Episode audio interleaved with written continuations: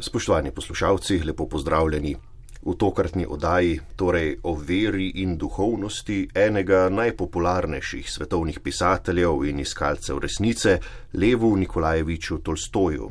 Z nami v studiu tudi že današnji gost, gospod Malmenval, lepo pozdravljeni. Lepo zdrav. Preden začneva s pogovorom, predlagam, da prisluhnemo kratkemu življenjepisu. Lev Nikolajevič Tolstoj se je rodil leta 1828 v Jasni Poljani v Rusiji, v stari plemiški družini kot četrti izmed petih otrok. Že pri letu in pol mu je umrla mati in nekaj let zatem še oče. Ker je zelo zgodaj osirotel, je dobival prvo vzgojo pri raznih sorodnikih in domačih učiteljih. Na nj je močno vplivala sorodnica Tatjana Jorgolska, ki je pozneje podelil tudi lik v delu Vojna in mir. Bila je zelo verna in ga je poučila o osnovah krščanstva, ki je bilo po njenem prepričanju predvsem religija ljubezni. Leta 1843 je Lev dokončal srednjo šolo in se upisal na filološko fakulteto, vendar se je kmalo premislil in se posvetil pravu. Študija ni dokončal, zato se je vrnil na svoje posestvo v Jasno Poljano in nekaj let pozneje odšel v vojsko in na Kaukaz. Tu se je pričelo njegovo literarno delovanje, ki ga je kmalo pripeljalo do prepoznavnosti in slave. Po vojni leta 1853 se je vrnil v Petrograd, kjer se je prepustil lahkoživemu in razposajenemu življenju. Potoval je po Nemčiji, Italiji, Španiji in Franciji, leta 1861 pa se je podal na svoje posestvo na Jasno Poljano in se naslednje leto poročil s Sofijo Andrejevno, s katero sta imela 13 otrok. V tem obdobju so nastala njegova velika dela: Kozaki, Vojna in mir, Ana Karenina, Ustajenje in druga. Ko je zaključil s pisanjem Ane Karenine, je leta 1878 zapadel v življenjsko krizo. Nezadovoljen s pravoslavjem je sklenil ustvariti novo vero, očiščeno dogme in mistike. Začel je pisati religiozno-filozofske spise, v katerih je opisoval svoj socialno-moralistični nauk, imenovan Tolstojanstvo. Svoj nauk je poskušal uresničevati s preprostim kmečkim življenjem in delom, spopadel pa se je tudi z družbenimi problemi, ki so pestili tedanjo Rusijo in jih pravzaprav nihče ni mogel spregledati. S tem si je pridobil mnogo privržencev, nakopal pa si je tudi jezo države in ruske pravoslavne cerkve, ki ga je poznaje celo izobčila. Leta 1910 je skrivaj pobegnil z svojega posestva in zapustil družino. V poslovilnem pismu soprogi Sofiji zapiše: Moj položaj doma je postal neuzdržen, predvsem zato, ker ne morem več živeti v razkošju, v katerem sem živel do zdaj. Storil bom, kar običajno počnejo starci mojih let, poslovijo se od vsakdanjega življenja, da bi zadnje ure preživeli v osami in tišini. Deset dni po odhodu je umrl na železniški postaji Astapovo, star 82 let. Gospod Malmenval, kot smo slišali, je Tolstoj že zelo zgodaj izgubil mati in na to še očeta. Vzgajali so ga sorodniki in domači učitelji, ki z njim govorijo francosko, nemško. Posebno mesto je imela njegova tetka Tatjana, kot je sam pravil. Koliko pa je bil pravzaprav ta čas sredi 19. stoletja naklonjen neki verski izobrazbi oziroma razvijanju verskih čustev? Vedeti moramo, da pred seboj nimamo navadnega kmečkega človeka, ampak poznejšega grofa Tolstoja. Odkot je torej črpal svojo krščansko in tudi pravoslavno identiteto? Kot ste že omenili, Lev Nikolajevič Tolstoj pripada najvišjim slojem takratne ruske družbe, to je plemstvu in sicer relativno bogatemu plemstvu podeželskega tipa. Odnos do krščanske religije oziroma še bolj specifično do pravoslavne veroizpovedi med višjimi sloji ruske družbe sredi 19. stoletja je bil ambivalenten, dvoumen. Po eni strani je pravoslavna vera predstavljala splošno, vselej navzočo identiteto pri vseh družbenih slojih, tudi pri najvišjih. Namreč velika, velika večina ljudi je bila takrat krščenih, poleg tega pravoslavna crkva je predstavljala sestavni del ruskega patriotizma, ruske identitete, tako v državnem kot narodnostno-etničnem smislu. Kar pomeni, da brez pravoslavja si takratne ruske družbe in tudi najvišjih slojev ne moremo predstavljati. Po drugi strani pa so višji sloji pravoslavje dojemali bolj ali manj v folklornem smislu, lahko bi rekli na nekakšen sekulariziran način kar pomeni, da je bilo pravoslavje res da del njihove samoopredelitve, vendar je zelo težko govoriti o zavestni veri in zavestni pobožnosti v odnosu do Boga, do svetnikov in v odnosu do globokega spoštovanja in osebnega prepričanja, kar zadeva uradni crkveni nauk pravoslavna vera in krščanstvo nasploh je bilo torej v Tolstojevem domačem okolju nekaj samoumevnega, vendar hkrati neravno dobro reflektiranega. Treba je tudi omeniti v tem kontekstu, da je tudi sama ruska pravoslavna crkva v sredi 19. stoletja bila nekako razpeta med dve težni, med dve smeri v njenem življenju. Po eni strani je živela na podlagi svojega ustaljenega, predvidljivega liturgičnega življenja, ki se je strogo držalo uh, liturgičnega izročila in skozi katerega so se odražale uh, uradne crkvene dogme, uradni crkveni nauk, po drugi strani pa je bilo izobraževanje same duhovščine, tudi tiste duhovščine najvišjega ranga, najbolj intelektualno podkovane duhovščine, izrazito sekularno oziroma ločeno od crkvene zavesti, od crkvenega življenja. Nekako je crkv v sebi ločevala med liturgičnim življenjem, ki jo je, imelo, ki jo je imela za pobožno, in življenjem izobrazbe, družbenega udejstovanja, ki ga je imela za nekaj znanstvenega ali pa socialno opredeljenega, socialno čutečega, vendar ločenega od liturgičnega in sakramentalnega življenja. Torej, Čas sredine 19. stoletja v Rusiji je čas ambivalentnega odnosa do krščanstva in specifično pravoslavja. Če greva še nekoliko naprej, mladi Tolstoj kmalo opusti študij prava in orientalskih jezikov, sledi obdobje razvrata in zabave, kar je bilo za plemstvo nekaj običajnega, pa vendar se tu že pojavlja neka notranja moralna napetost, ko zapiše: Sam sebi se tako gnusim, da bi rad pozabil, da obstajam. Morda se nehote prikaže usporednica recimo svetim Frančiškom Asiškim ali pa denimo svetim Augustinom. Treba je vedeti, da je bil Tolstojev značaj zelo občutljiv in obenem dovzeten za natančno samoanalizo. Svojo literarno pot je začel prav z dnevniki, z žanrom, ki je mešanica med osebno izpovedjo in določenim izpiljenim slogom, namenjenem širšemu bravstvu. Žanr dnevnikov je torej nekakšen most med osebnim življenjem in literaturo, namenjeno za javnost.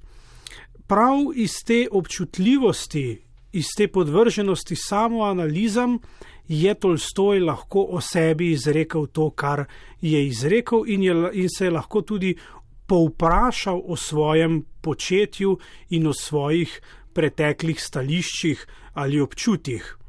Kar zadeva svetega Frančiška Siškega, je ta usporednica bila navzoča že pri samem Tolstoju, že on sam jo je odkril in zapisal v enem izmed svojih dnevniških zapisov, vendar precej kasneje, šele v tistem zadnjem obdobju, to je konec 70-ih let 19. stoletja, v tistem obdobju, ki, neka, ki velja za čas radikalne preveritve in prevetritve stališč za obdobje tako imenovanega spreobrnenja. Kar zadeva svetega Augustina, pa pri samem Tolstoju te usporednice, vsaj kar zadeva njegovo samo oceno, ni mogoče najti. Je pa gotovo njegova, torej Tolstojeva življenjska pot, V najosnovnejših potezah lahko primerljiva tako s Frančiškom Asiškim kot s svetim Augustinom, čeprav treba je vedeti, da Tolstoj je vse čas ostal laik, ni zapustil svojega izvornega lajškega stanu, prav tako se ni odpovedal svojemu premoženju. Prav tako se ni odpovedal svojemu plemiškemu nazivu, čeprav je v zadnjih desetletjih živel osebno skromno, vendar je bil še vedno lastnik številnih posestev in nemajhnih denarnih sredstev. Leta 1862 se Tolstoj poroči Sofijo, imela sta 13 otrok, poleg tega pa naj bi jih imel vsaj še toliko tudi zunaj zakona. Kakšen je bil njegov odnos do žene in do zakonskega življenja? Je bila to ves, ki je hkrati tudi ves z Bogom, ali pa po drugi strani drži, kar je trdil pozneje, da krščanski zakon sploh ni možen? Odnos do lastne žene Sofije in do žensk nasploh se je pri Tolstoju spreminjal skozi čas. V svojem mladostnem obdobju, nekje do začetka 50-ih let 19. stoletja, je značilna njegova, lahko bi rekli, razuzdanost, nemirnost, imel je veliko ljubic, prav tako je v tem času rad pristopal k svojim tlačankam, k svojim podrejenim kmeticam in služabnicam, z njimi imel tudi nekaj nezakonskih otrok. Ko se je poročil z ženo, je vso svojo preteklost izpovedal v svojih dnevnikih, izročil je eh, svoje dnevnike, kjer je razkril svojo dosedanjo življenjsko pot. Eh, v svojem zrelem oziroma srednjem obdobju izgleda, da je bil odnos med njim in ženo Sofijo bolj ali manj skladen, harmoničen. V zadnjem obdobju, recimo od konca 70-ih let naprej, zlasti pa od sredine 90-ih let do njegove smrti leta 1910, pa se je eh, dogajalo nemalo napetosti med Tolstojem in njegovo ženo. Razlog teh napetosti je bilo ženino nasprotovanje njegovemu idejnemu in življenjskemu preobratu. Bila je namreč nasprotnica njegovega filozofsko-moralnega nauka, nasprotnica tolstojanstva. E, imela ga je za čudaka, za nekoga, ki je oddaljen od resničnosti in za nekoga, ki se mu ljudje, tudi ugledni ljudje, na skrivnem posmehujejo, predvsem pa ni marala, da se je posvečal bolj svojim sledilcem, občudovalcem, kot pa njej.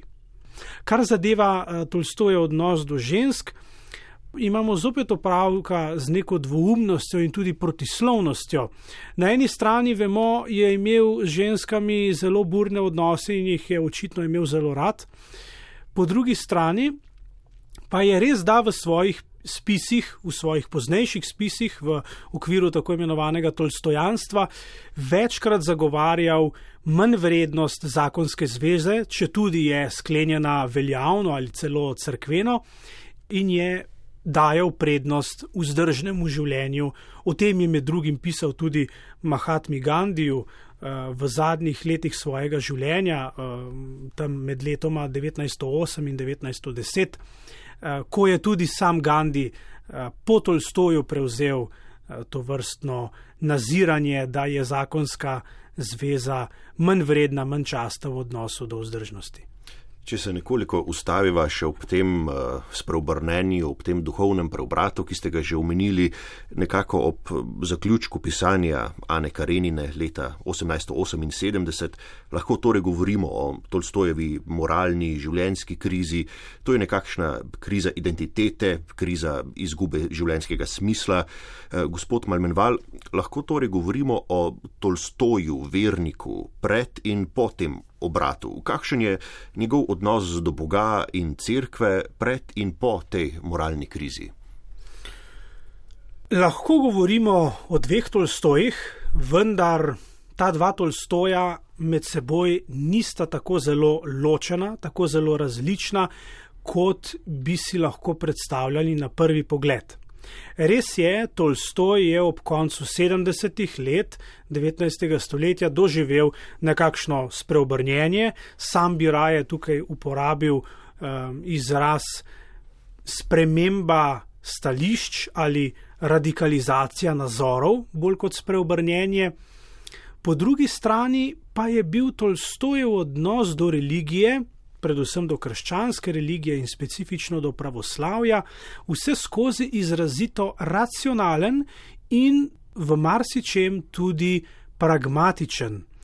Tolstoj namreč v teku celotnega življenja ni doživel nobenega tako rekoč osebnega srečanja z Jezusom Kristusom, sam sebe tudi ni nikoli dojemal kot vernika v smislu zavestne pripadnosti določeni verski skupnosti ali ustanovi.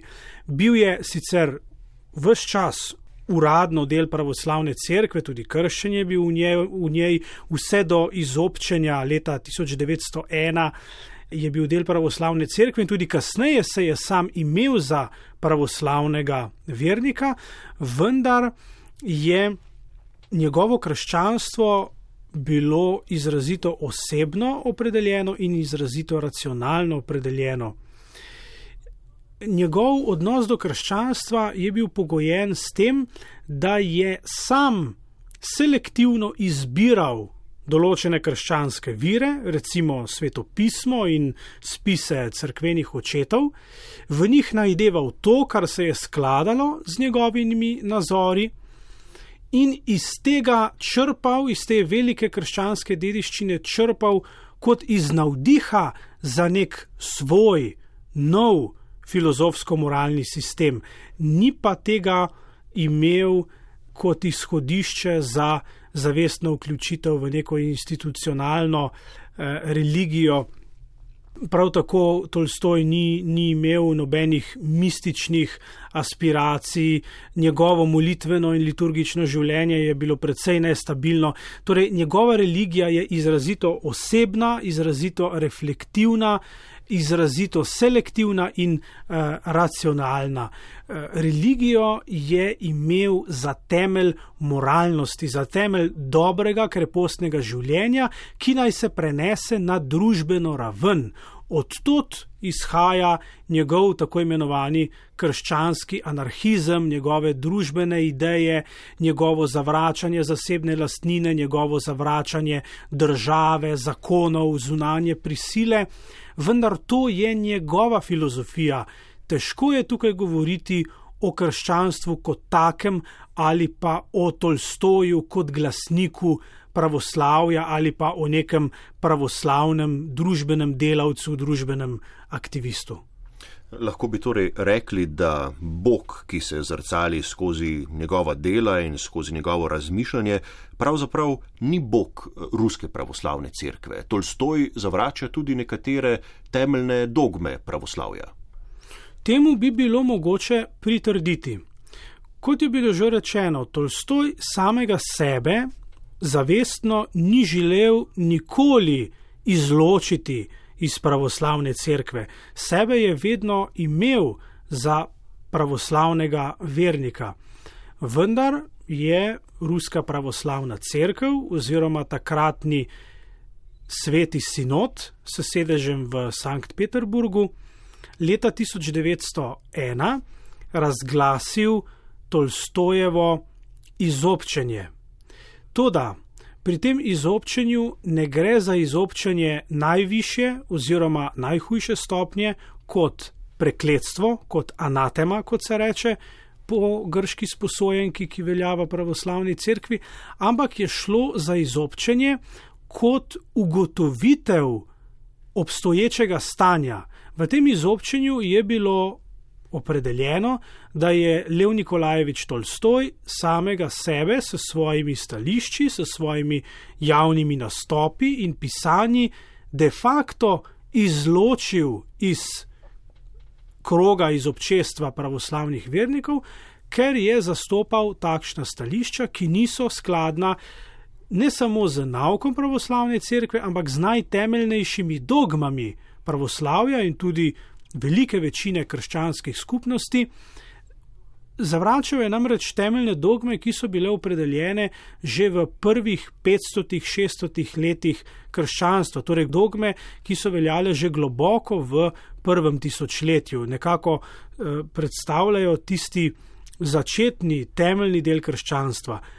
Kaj to pomeni v praksi? V praksi to pomeni, da je Tolstoj denimo zavračal Kristusovo ustajenje, zavračal je podobo Boga kot svete trojice, zavračal je samo božansko naravo Jezusa Kristusa in ravno pri tem slednjem, pri zavračanju Jezusa Kristusa kot pravega Boga in hkrati pravega človeka, eh, ravno v tem, da je Tolstoj Kristusa imel zgolj za človeka, zgolj za velikega preroka in misleca, se pojavlja, poraja vprašanje, ali je on bil sploh kristjan. Tukaj je sicer zelo težko dajati sodbe, ker nimamo upogleda v njegovo dušo, tudi nimamo iz njegovih spisov, kljub zavračanju božanskosti Kristusa, vendar le je precej namigal, da pa sam sebe je imel za kristjana in da je spoštoval dogme pravoslavne cerkve, čeprav osebno v njih ni verjel. Mm, tako da to vprašanje, ali je on bil sploh kristjan, ostaja odprto. Res pa je, in to se mi zdi dobro znova povdariti, da Tolstojeva misel, tolstojanstvo je predvsem moralna in družbena misel. Lahko bi jo uvrščali bolj na področje filozofije, kot pa na področje teologije, to je eno, drugo pa je, da Tolstoj ni imel nobenega izrazitega verskega izkustva, izkustva Boga, po katerem bi se lahko spreobrnil v pravem pomenu besede, ampak je bila njegova tako imenovana spreobrnitev bolj sprememba, zamenjava in radikalizacija stališč. Tolstoj, če že govorimo o njegovi krščanski identiteti in opredeljenosti, zlasti v zadnjem obdobju, od konca 70-ih let naprej, bi ga lahko bolj imenovali za krščanskega družbenega misleca ali pa za krščanskega anarhista, kar je sicer že kar ustaljena zveza, ko se preučuje Tolstoja, ko se o njem govori in piše, bolj kot za glasnika pravoslavja ali pa teologa. S to mislijo tudi zaključujemo današnjo vdajo. Gospod Malmenval, hvala za pogovor.